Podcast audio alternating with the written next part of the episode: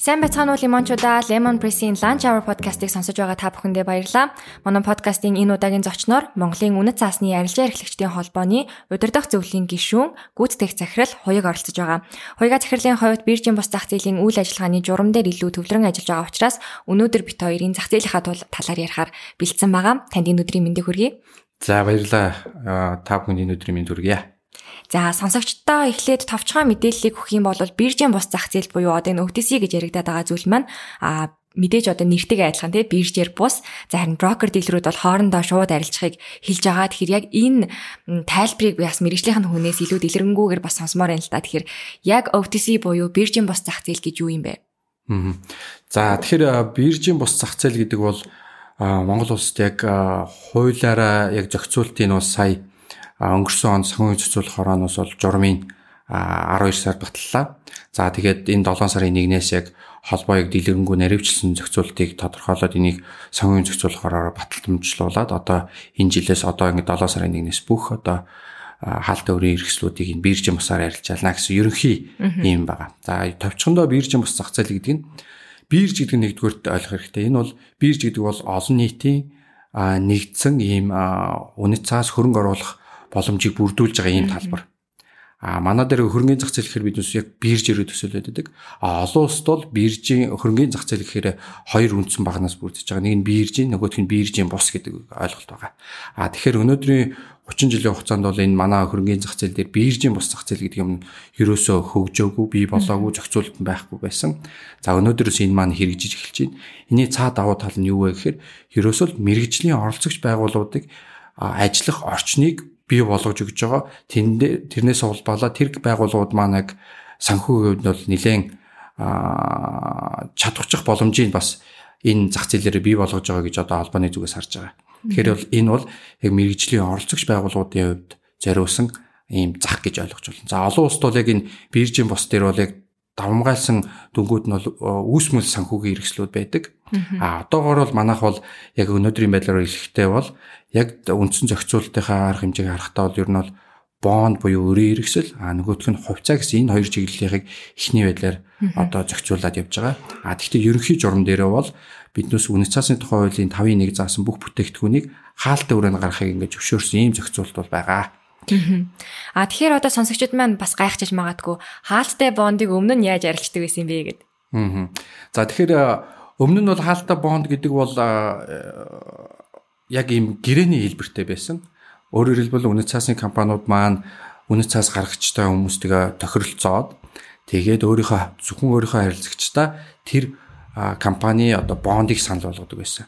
За хоёр талаас зөвшөөрсөн үндсэн дээр гурван тал гурвалсан гэрээ гэдэг байсан. Тэгэхээр гэрээ маань гэрээ хийгдээ натродоор баталгаажуулаад механик процессыг маш ихтэй.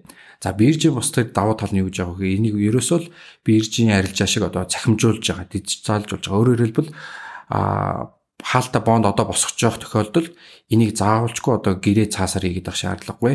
Манай энэ биржийн мус зах зээл дээр бүртгүүлээд тэгээд энийг мэрэгжлийн хөрөнгө оруулагчдын хооронд арилжаалах боломжтой. Тийм. А Монголын үн цасны арилжаа эрхлэгчдийн холбооны хувьд бас энэ биржийн бос зах зээлийн одоо удирдаад явна, зохион байгуулад явна гэж ойлгож байгаа. Тэгэхээр ер нь энэ холбооны үйл ажиллагаа нь яг ямар чиглэлд байдаг юм бэ? Цаашдаа бас ямар зорилтуудыг тавиад ажиллаж байгаа вэ? За тэгээ тэгэхээр бас сонсогчд Монголын үн цасны арилжаа эрхлэгчдийн холбоо гэхээр бас гайхчихж магадгүй энэ ямар байгууллага ороод ирсэн бэ гэхээр за манай байгууллага бол товчхондоо 1995 онд байгуулагдаад өнөөдрийн хүртэл доктортой үйл ажиллагаа явуулж байгаа 15 онд манай холбоо маань өөрийгөө зохицуулах байгууллага гэсэн статустай өөрөөр хэлбэл хуулийн зохицуулалттай ийм байгууллага болж ирсэн. А манай энэ зах зээл дээр бас нэг давуу тал нь юу гэдэг вэ? Бусад салбарыг харьцуулахад яг нөгөө бусад салбарт их олон холбоодууд байдаг. Тэр нь бас тоорондоо зөрчилтөөнтэй юмнууд их байдаг. А тэгэхэд манай дээр бол яг нэг мэрэгжлийн холбоо байд гэж тодорхойлсон. За тэгээ үүнийхээ дагуу бол одоо яг манай энэ үнэт цаасны арилжаагчдын холбоо маань хөрөнгөний зах зээл үйл ажиллагаа бол мэрэгжлийн холбоо гэж явж байгаа. За гişүнчлийн хувьд гэхвэл яг холбоог хэн төлөөлөд байгаа юм бэ гэвэл яг хувийн сектор гэж ойлгож болно. Аа тэгээд энэний цаана зөвхөн үнэт цаасны компаниуд гэж бас харж болохгүй. Нөгөө нэг нэрнээс нь хүмүүс тэгж ойлгох гэдэг шиг байдаг. Аа тэгэхээр энэний цаана болохоор хөрөнгө оруулалтын менежментийн компаниуд байна. Манай хөрөнгөний зах зээлийн дэд бүтцийн байгууллагууд байна. А мөн дээрээс нь хамтрагч гишүүдүүд байна, Кастижон банкуд байна. А мөн дээрээс нь анхны сая сүүлд хувьцаат компани гишүүнээр ирсүүлсэн. За яг дашрамжлаа одоо бид яг зөвшөөрлөөр бол нэг гадны компанитай гишүүнчлийн membership swap хэрэгжүүлсэн байна. Энийг бол албан ёсоор бол зарлаагүй. Гэхдээ бол энэ бол болцсон. Өнөөдрийн байдлаар нэг 62 гишүүн байгууллагын төлөөлөлт үйл ажиллагаа явуулж байгаа ийм байгууллага байдаг. За олон улсад яг энэ яагаад манай холбоо энэ биржийн бос зах зээлийг зохицуулаад байгаа юм бэ гэж байгаа.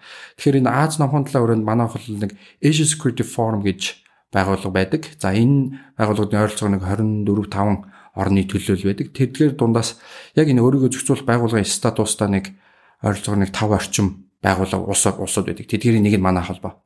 За энд яг манлайлж явж байгаа хоёр байгууллага нь бол Япон, Солонгос байдаг. Солонгос бол KOFIA гэдэг буюу Korean Financial Investment Association гэдэг байдаг. А Японд GSDA буюу Japanese Security Dealers Association гэж байдаг.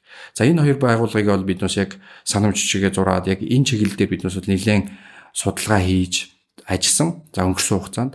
За тэгээд энэ биржийн бус зах зээлийг ер нь бол олон улсад энэ мэрэгжлийн холбоо буюу өөрийгөө зохицуулах байгууллан зохицуулаад явд юм байна гэдэг гаргалгааны хүрээнд хороо зөвшөөрлөө өгөөд ингээд одоо явж байгаа хэрэг байна. Намайг одоо яг анх хөргийн зах зээл рүү хөл тавьж эхэлж явах үед буюу одоо ингээд бодоход бараг 6 7 жилийн өмнө аахгүй юу OTC гэж яригддаг л байсан тий шаардлагатай байна. Яг л энэ л ингээ хөгжижүүл болох гээд байна. Бараг алах гээд байна л ингээ ярьдаг байсан. Аа тэр цагаас хойш бол яг одоо энэ жил хэрэгжиж эхлэхээр болсон байгаа. А гэхдээ хүмүүс бас гайхчих магадгүй мэрэгжлийн хүмүүс нь а одоо юу гэдэг биржийн бас зах зээл хөгжих хэрэгтэй байна гэддэг. А яг хөрөнгө оруулагч талаасаа гэдэг ч юм уу эсвэл зүгээр энгийн иргэн талаасаа энэ яг хөрөнгөний зах зээл яг ямар хэрэгтэй юм бэ? Ямар даваа талуудыг бий болох юм бэ гэж бодож байгаагүй. За яг хуу эхлээд би нэг юуг нь хариулмаар санагдчихлаа. Ер нь бол сүүлийн 30 жилд бол анх биднес ингээд түүх ингээд сайн хараад ивэл биднесийн яг зохицуулалт одоо гэдэг холны нийтэд өгжсэн мэдээлэл бол энэ түүхээ харахад үзвэл нэлээх мэдээлэл танин мэдэх юмнуудыг олон нийт бол өгж ирсэн мөлий. Тэр үтгийн хэл одоо үндэсний телевизээр орой болгон те биржийн талаар ханш мэдээлэл ингээ өгж явах жишээ нэг ч гэдэм юм. Аа тэгээд зарим дүрм журмууд дээр хүртэл те хувьцааг арилжаалаад ага барьцаалаад арилжаалах марилжаалах зохицуулт хүртэл байсан. А энэ 30 жилийн хугацаанд юу болоод эхэлсэн бэ гэхээр нөгөө нэг зохицуулт нь хит ихсээд эхэлсэн. А ингэснээр яг үнэт цаасны компаниудын нөгөө нэг ажиллах, томрох орчин нь тэр утгаараа бас хаагдсан юм болов уу гэж хараад байгаа. А одоо яг биднээс энэ өнгөрсөн хугацаанд санхүүгийн зохицуулахаар одоо нэлээд хамтын ажиллагааны өрөөнд нэлээд ойлголцож сайн ажиллаж байгаагийн өрөөнд энэ зохицуултыг одоо биднээс амжилттай ингээ хэрэгжүүлээ богино хугацаанд. Харьцангуй богино хугацаанд биднээс урт хугацаанд ярьдаг байсан ч гэсэн энийг бас төрийн талаас бол хүлээн зөвшөөрөөд хэрэгжүүлэх гэдэг ажил бол бас тусдаа том асуудал. Энийг бол манай санхүүгийн зохицуулах орооны удирдлагууд нааштайгаар ойлгож хүлээж аваад энийг бол амжилттай одоо ингээд хэрэгжүүлээ явж байгаа. За зашрамд орчход энэ төсөл хэрэгжүүлэхэд бол бас JICA-гийн олон улсын байгууллага мэдж байгаа шүү дээ. Энэ байгууллага бол хүрээнд бас төсөл хэрэгжиж байгаа. Энэ бондын зах зээлийг хөгжүүлэх гээд энтэй бас биднээс бас энэ ажлыг урагшаа явуулахад бол нэлээд төхөмтэй байж байгаа. Тэгэхээр бас тэр байгууллагыг бас онцлох нь зүг байна. За тэгэхээр ер нь бол яг ингээ нээлттэй бондуудыг харах юм бол а гарах гэж маш их шалгуурууд хангах шаардлагатай болдог. За үүнтэй холбоотойгоор урт хугацаа шаардлагатай байдаг тий. А яг одоо удирдлагын чанартай бизнесүүд гэх юм уу да барилгын компаниуд, уул уурхайн компаниуд ч юм уу нээлттэйгээр бонд гаргах үед урт хугацаанаас болоод яг энэ нөгөө зөвшөөрөл олгох яг тэр процесс нь уцаар агаад Тэг яг нөгөө улирлалтанд таараагүйгээр яг улирлал нь дуусчих үед нь бас зөвшөөрлөн гарцсан юмнууд аягүй их байдаг. Тэгэн мот нөгөө хүн чинь бэлэн мөнгө гартаа барьж суучаад хөө төлөхийг мэдээж хүсэхгүй. Тэгээд тийм цаг хугацааны үед аягүй асуудалтай байгааддаг. Хаалттай бондоод яг энүүгээрээ илүү даваа талтай болов гэж би одоо хувьдаа харж байна. Тэг яг зөв биржийн бус одоо хоёулаа яг нөгөө биржийн бусынхаа яг давуу тал сүүл тал юу болох гэдэг онцлогийн талаар ярих гэж байна тийм ээ. Тэгэхээр яг өөрийг чи асууж байгаа тэр манай өнгөрсөн хугацаанд харж байгаа бол нөгөө нээлттэй болохын тулд мэдээж санхүүгийн цэцүүлгээр жижиг хувьцаа эзэмшдэг эрх ашиг хамгаалж явах хэрэгтэй. А тэр утгаараа нөгөө тухайн байгууллагад шаардлага нь бол жоохон өндөр байдаг. За манай салбарын нэг онцлог нь юу вэ? Энэ энэ захын онцлог нь юу вэ гэхээр энэ бол дорж дулмаа гэдэг олон нийтэд зориулсан зах бол биш. Энэ мэрэгжлийн хөрөнгө оруулагч оролцох боломжтой ийм зах зээл. А мэрэгжлийн хүмүүс оролцож байгаа гэдэг утгаараа нөгөө талд нь ямар юуг нь хөнгөлж өгöd байгаа вэ гэхээр энэ цаг хугацаа а бүрдүүлэх бичиг баримтын хувьд бол хөнгөлөлт чөлөөлтийг бий болгож өгöd байгаа. Аа тэгээд одоо өнгөрсөн жишээ нь та өөрөө зурдж штэ. Жил гарan болж байгаа жишээ нөөц ч гэсэн байж исэн. Тэгэхээр одоо бол манай журам дээр юу гэж байгаа гэхээр бүртгэлийн орон ерөөсөө 5-аас 15 хоногийн дотор бичиг баримтыг хүлээж аваад бүртгэнэ гэсэн ийм зохицуултаа явж байгаа. Тэгэхээр энэ бол маш богино хугацаанд асуудлыг шийдэж байгаа. За яг энэ бүртгэлийн процессыг бол англиар бол profile listing гэж ярьдаг. Өөрөөр хэлбэл одоо мэдүүлгийнгээ хэлчих юм уу да. Одоо би яг монгол хэлний зөв бурууг нь хэлж мэдэхгүй байна. Аа тэгэхээр яг бүрдүүлэх бичиг баримтаа бүрдүүлсэн бол манайх бол бүртгэлийн орвол энийг бол одоо шууд зөвшөөрөх асуудал байна. А яг бүрдүүлэх бичиг баримтанд дутуу тиймэрхүү асуудал төр бол болохгүй байна гэдэг юм ярина. А тэгээд тухайн бүтээгдэхүүнээ гараад ирсэн захад энд хөрөнгө оруулах гэж байгаа хүмүүс маань мэрэгжлийн утга мэрэгжлийн хүмүүс гэдэг утгаараа нөгөөдөл нөгөөөртөө бас тодорхой хэмжээний due diligence буюу одоо нэмэлт хяналтаа өөрсдөө хийх үүрэг тэнд байгаад байгаа. За биржин устдад бүтээгдэхүүн гаргахад бол гол оролцогч бол underwriting компаниуд яг одоо байгаа. Тэгэхээр тэр компаниуд маань үнэт цаас гарагчтай бол нэлээд тулж ажиллаад тэгээд энэ бүтээгдэхүүнээ гаргаж ирнэ. А өмнө нь ямар асуудлууд байсан бэ гэхээр санал болгоход бол зөвхөн өөрийнхөө харилцагчтай санал болгодог байсан. А өөр нэг компани харилцагч санал болгоч гэхээр харилцагчаа алдах ийм асуудал байсан. Тийм болохоор зөвхөн хаалт өрөөнд л санал болгоод идэв гэсэн. Өөрийнхөө өрөөнд. Одоо биржин бус зах зээл гарч ирснээр ямар юу боломжийг өргөхтэй вэ? Манайх юм нэгдсэн платформ дээр одоо манай систем байгаа биржин бус. Энэ платформ дээр тухайн үнэт цаасын танилцуулга байна, санхүүгийн мэдээлэл байна, холбогдох мэдээлэлүүд байна. Тэрийг уншаад хүмүүс мэдээлэл өгөөд хараад авч танилцаа. За хөрөнгө оруулъя гэвэл манай системээр дамжуулаад захиалга өгж болно. Ингээд энэ одоо хилцэл маань нөгөө цаасаар хийгдэх болохоор яг би энэ цаана хинтээ хийгээд байгаа гэдгийг нь бол харагдах шаардлага байхгүй. А тэгвэл үндсэн хөрөнгө оруулалтын механизмаа бол одоо биднээс гаргаад явж байгаа. Энэгээр их онцлог. Та түрүүний ярьлаа одоо энэ платформ удахгүй хэрэгжиж эхлэнэ нээлттэй болно гэдгсэн. Энэ бол 8 сард хийгдэх ажлууд байсан гэж би хараад ирсэн тий. 7 сард хийх гэж байгаа тий. Одоо 8 сард бид нүс ойрын хугацаанд ер нь бол хэрэгжүүлээд дуу архан байна. Тэгэхээр яг энэ дээр бол ямар мэдээллүүд нийл тод байх вэ? За ер нь бол түрүүн би хэлээд байгаа биржин бус зах зээл гэдэг бол яг мэрэгжлийн хөрөнгө оруулагч зориулсан зах зээл. Энэ утгаар бол яг биер чиг одоо үгдийн арилжааны самбарлуу өнхөн болгон оронгуутл чинь өө апугийн хувьцаа ч гэдэг юм уу те лендийн хувьцаа дээр арилжаалж гин гэдэг авах зарах нь тэр вэ гэдэг мэдээлэл бол олон нийтэд бол байхгүй. Олон нийтэд ямар мэдээлэл байх вэ гэхээр нийт ийм үнэт цаас нууд ер нь бол бүртгэлтэй байгаа юм байна. Эний тэр тэр өнгөрсөн өчигдөр одоо арилжаалагц юм байна. Ингэсэн энэ нөгөө нэг өнгөрсөн мэдээллүүд мэдээлэл байна. А түүнээс яг нөгөө арилжаанд орох одоо шууд одоо лайв мэдээллүүд бол зөвхөн мэрэгжлийн хөрөнгө оруулагч буюу шууд оролцогч гэж бид нас журмаар томьёолсон байгаа. Энэ бол манай гишүүн үнэт цаасны компаниуд байх юм. Одоогийн зохицуултаар. За тодорхой үнэт цаасны тухай хуулинд зарим зохицуултыг хийж өгөөд ирээдүйд бид бас энэ мэрэгжлийн хөрөнгө оруулагч болох одоо гэдэг банк, банк бус санхүү байгууллага даатгалж гэдэг юм уу те. Энэ байгууллагуудыг шууд оролцогчоор оруулж ирэх зохицуултыг хийн. А ингэснээр бид бас дараагийн том одоо version update хийгдэнэ гэсэн үг гэж харж болно. Би яг энийг танаас асуух гэсэн. Хөрөнгө оруулалтын сангууд одоо хаалттай бондуудад хөрөнгө оруулах боломжгүй байгаа. Яг энэ дээр ямар зохицуулалт шаардлагатай байгаа вэ гэдээ асуух гэсэн. Тэгэхээр яг одоо үнэт цаасны тухай хуулийн дээр яг тэр нөгөө мэрэгжлийн хөрөнгө оруулагч үйл ажиллагаа гэдэг юмнууд нь томьёолохдоо биднээс бас а тодорхой юмнуудыг салгаж өгөөгүй нэгтгэсэн юмнууд бас байгаа. Тэгээд тэрэн дээр одоо энэ үнэт цаасны тухай хууль ойрын хугацаанд шинжлэхтгэд энэ зохицуултыг тодорхой болгож өгөөд одоо биднээс хүлээж байгаа тэр сангууд а дээрээс нь банк ялангуяа одоо бонд гэж бид нүс ихний байранд нэлээд төвлөрч ажиллаж байгаа. Тэгэхээр бондын хувьд бол яг гол оролцогч нь бол банкуд байдаг. Тэгэхээр тэр хүмүүсүүдийг бол шууд оролцогчоор оруулж ирэх нь бол бас чухал асуудал. Одоо яг битүүрийн яриаг сонсоод за энэ бол мэрэгжлийн оролцогч нарт илүү одоо ач холбогдолтой тустай юм байна. А гэхдээ одоо компани эзэмшиж байгаа хүний хувьд те би хөрөнгө оруулалт татмаар байна. Нээлттэй бонд гаргах гэж угаасаа боломж надад байгаагүй. Шалгуур нь хангаж чадахгүйсэн гэдэг ч юм уу. Иймэрхүү хүмүүс сонсч ивэл ямар төрлийн компаниуд одоо ингээ хаалттай хүрээнд бондоо гаргаад хөрөнгө оруулалт татах боломжтой вэ? За эдгээр нь эргээд ямар одоо давуу талуудыг бий болгож байгаа вэ гэдэг талаас нь ярих юм бол хүмүүст бас нэг тийм шижүүр гэдэг ч юм уу те. Эсвэл нэг тийм урам зориг өө энийг би хийж чадах юм байна гэдэг юм хүсэл төрүүлэх бол За ер нь бол манай дээр одоо хоёул бүтээгдэхүүн тол руу орж ийн гэсэн үг. А бүтээгдэхүүнүүд бол яг биржийн бусын төрөм бий хийсэн. Эхний байдлаар бол яг хуулийн дээр бол заасан үнэт цаасны хуулийн дээр заасан үнэт цаасуудыг бол бид нүс хаалттай өрөөнд арилж ялна гэсэн тодорхойлолтой байгаа. За одоо бол бид нүс яг хувьцаа болон бондын чиглэлээр илүү анхаарч байгаа. За яг өөрөө чи асууж байгаа бол хувьцаа. Өөрөөр хэлбэл жижиг дунд бизнес эрхлэгчүүд тийм үү санхүүжил хэрэгтэй байгаа.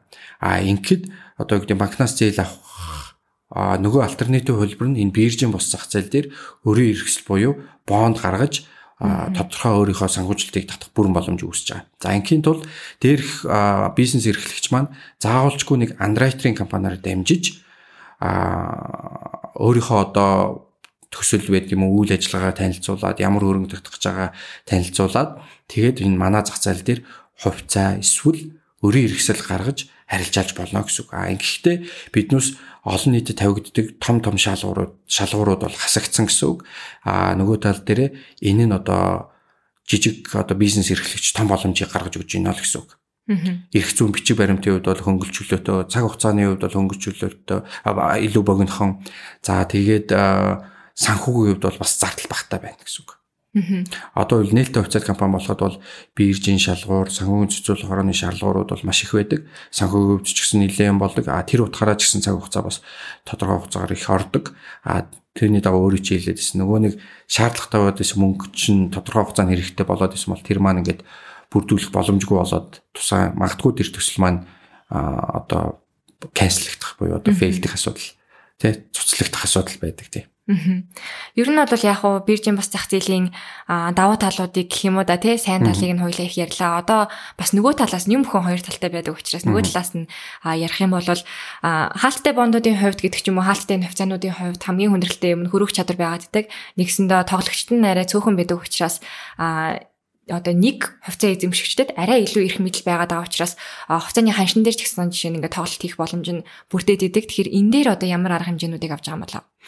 За яг энэ зах зээл дээр бол яг энэ манай хаалтаа гэдэг утгаараа бол яг нэг асуудал маань хөрөх чадвар бол бас яг биржиг юу байх нь бол хэцүү. Аа тэгтээ биднээс бас зарим зохицуултыг хийж өгч байгаа. А өнөөдөр одоо биднээс яг төлөрсөн хадгаламжийн төв, үнэт цаасны төлөрсөн хадгаламжийн төвтэй гэрээ байгуулж байгаа яг хамтран ажиллах. Энэ дээр бол яг хувьцаагаа бүртгэх, хадгалуулах, тэгээд тэрнтэй холбоотой шимтгэл хураамж ажлуудыг зохицуулж өгч байгаа. За яг энэ дээр биднээс би одоо сул талыгаа биднээс нэг талаараа бас давуу тал болох гад үзэж байгаа. Өөрөөр хэлбэл өнгөрсөн жилийн хугацаанд бол яг энэ дилерийн үйл ажиллагаа буюу одоо prop trading гэж ярьдаг proprietary trading. За энэ бол манай хөрөнгөний зах зээл дээр бол нэлээд тутам ихсэн асуудал байсан. За тэгэхээр энийг одоо хөшүүрэг байхгүйс өөрөөр хэлбэл өнгөрсөн хугацаанд.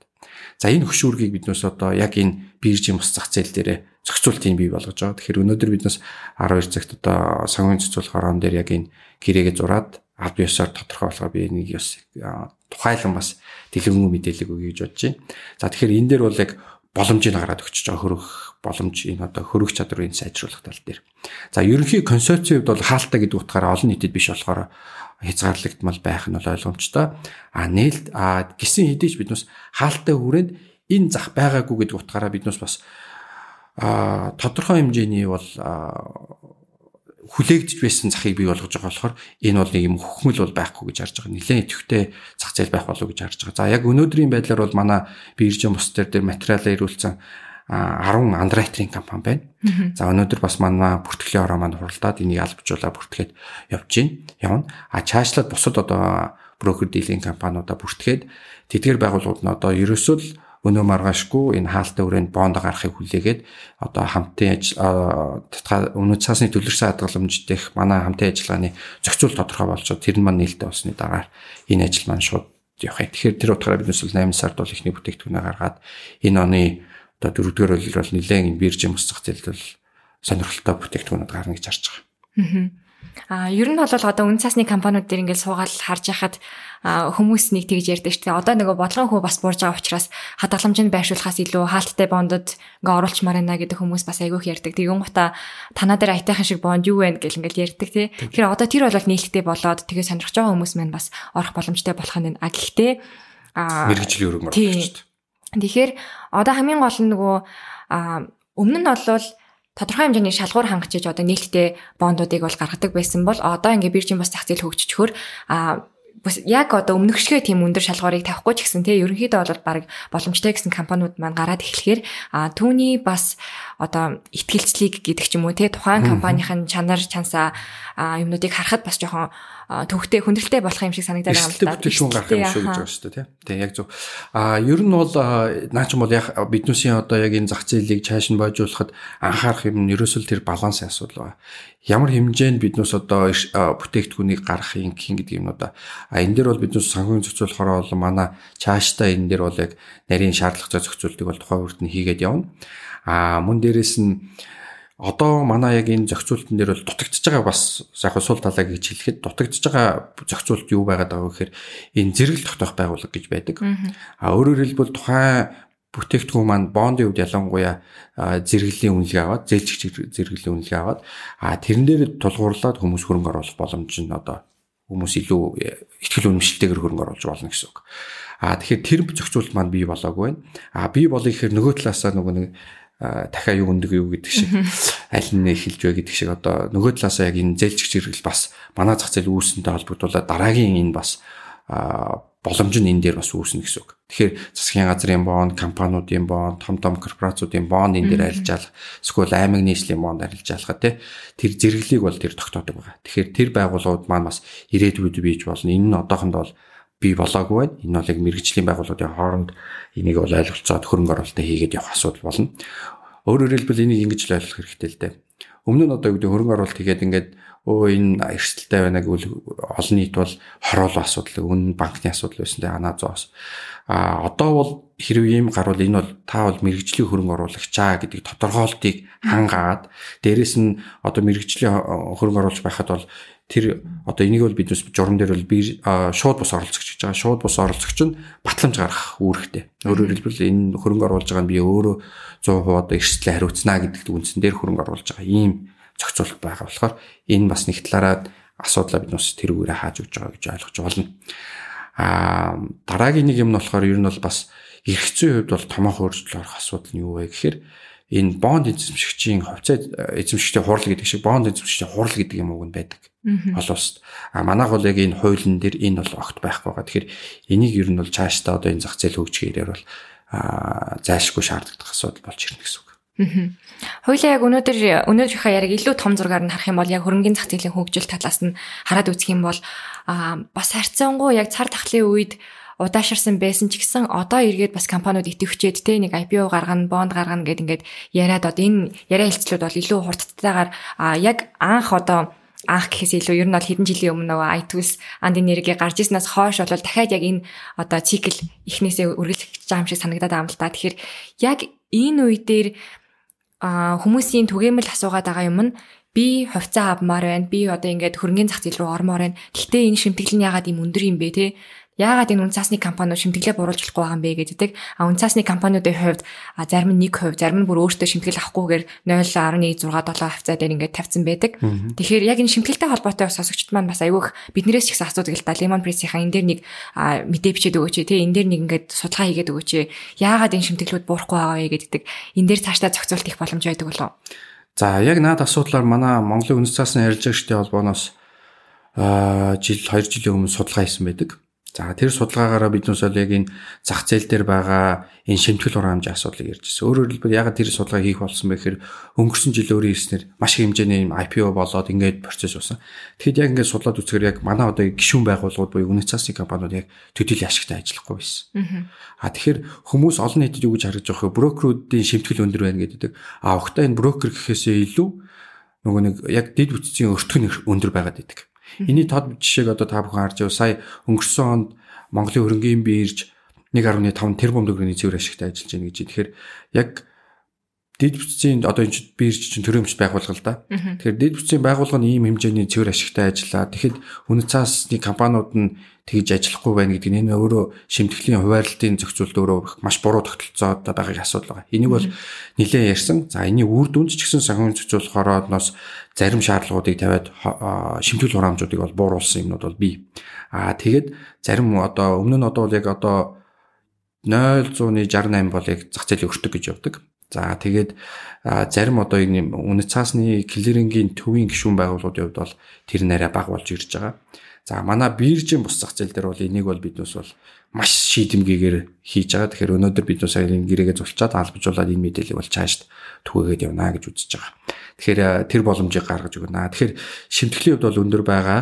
Аа тэр маань бас нэг талаараа энэ хөрөнгөний зах зээл дээр орох одоо хөрвөх чадвар одоо итвхийг бууруулж өгч яадаг ийм асуудлууд байдаг.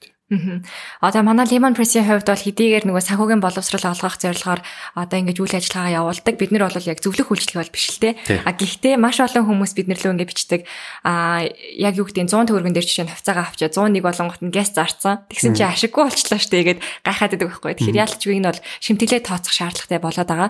А энэ талын мэдлийг бас сонсогчид маань заавал авах хэрэгтэй байх. Бид нар ч гэсэн тохиомлуудаараа байнгын явуулж байгаа. За ер нь бол бид хоёрын ингээд ярилцах цаг маань дуусаж өндөрлөж байна. А үүнээс өмнө манай одоо подкастын хүн зочин бүрээсээ асуудаг асуулт маань юу вэ гэхээр а ланч авар гэдэг нэртэй байгаа. Өөрөөр хэлэх юм бол та цайныхаа цагаар яг ямар ажлуудыг амжилтдаг вэ? Эсвэл нэг сайхан тухтаа сууж байгаа цайгаа удгүй. За за миний хувьд одоо цайны цаг гэхээсээ илүү яг тийм тогтмол цаг байдаггүй. Яг ажилдаа баригдал явж байдаг. Зарим тохиолдолд бол цайгаж шууд чаддаггүй. Тэгэхээр яг тэрнээр нэг тэгж одоо ном сонин эргүүлэгч гэдэг юм уу тийм байхгүй. Тулгымцсан ажлуудаа яг холбооны хувьд бол ялангуяа энэ одоо биржийн бус зах зээлийг хөгжүүлэхтэй холбоотой маш их ажлууд хийгдэж байгаа болохоор ерөөсөө тэр цай маа гэдэг юм бол хаягдсан да. За та бидний урилгыг хүлээн авч өнөөдөр бидэнтэй ярилцсанд маш их баярлалаа. За баярлалаа. Та За сонсогчдоо энэ удаагийн дугаарт Монголын үнд цаасны арилжаа эрхлэгчдийн холбооны удирдах зөвлөлийн гишүүн гүйцэтгэх захирал хуйг оролцсон байгаа. Дараагийн дугаараараа уулзцгаая. Баяр таа.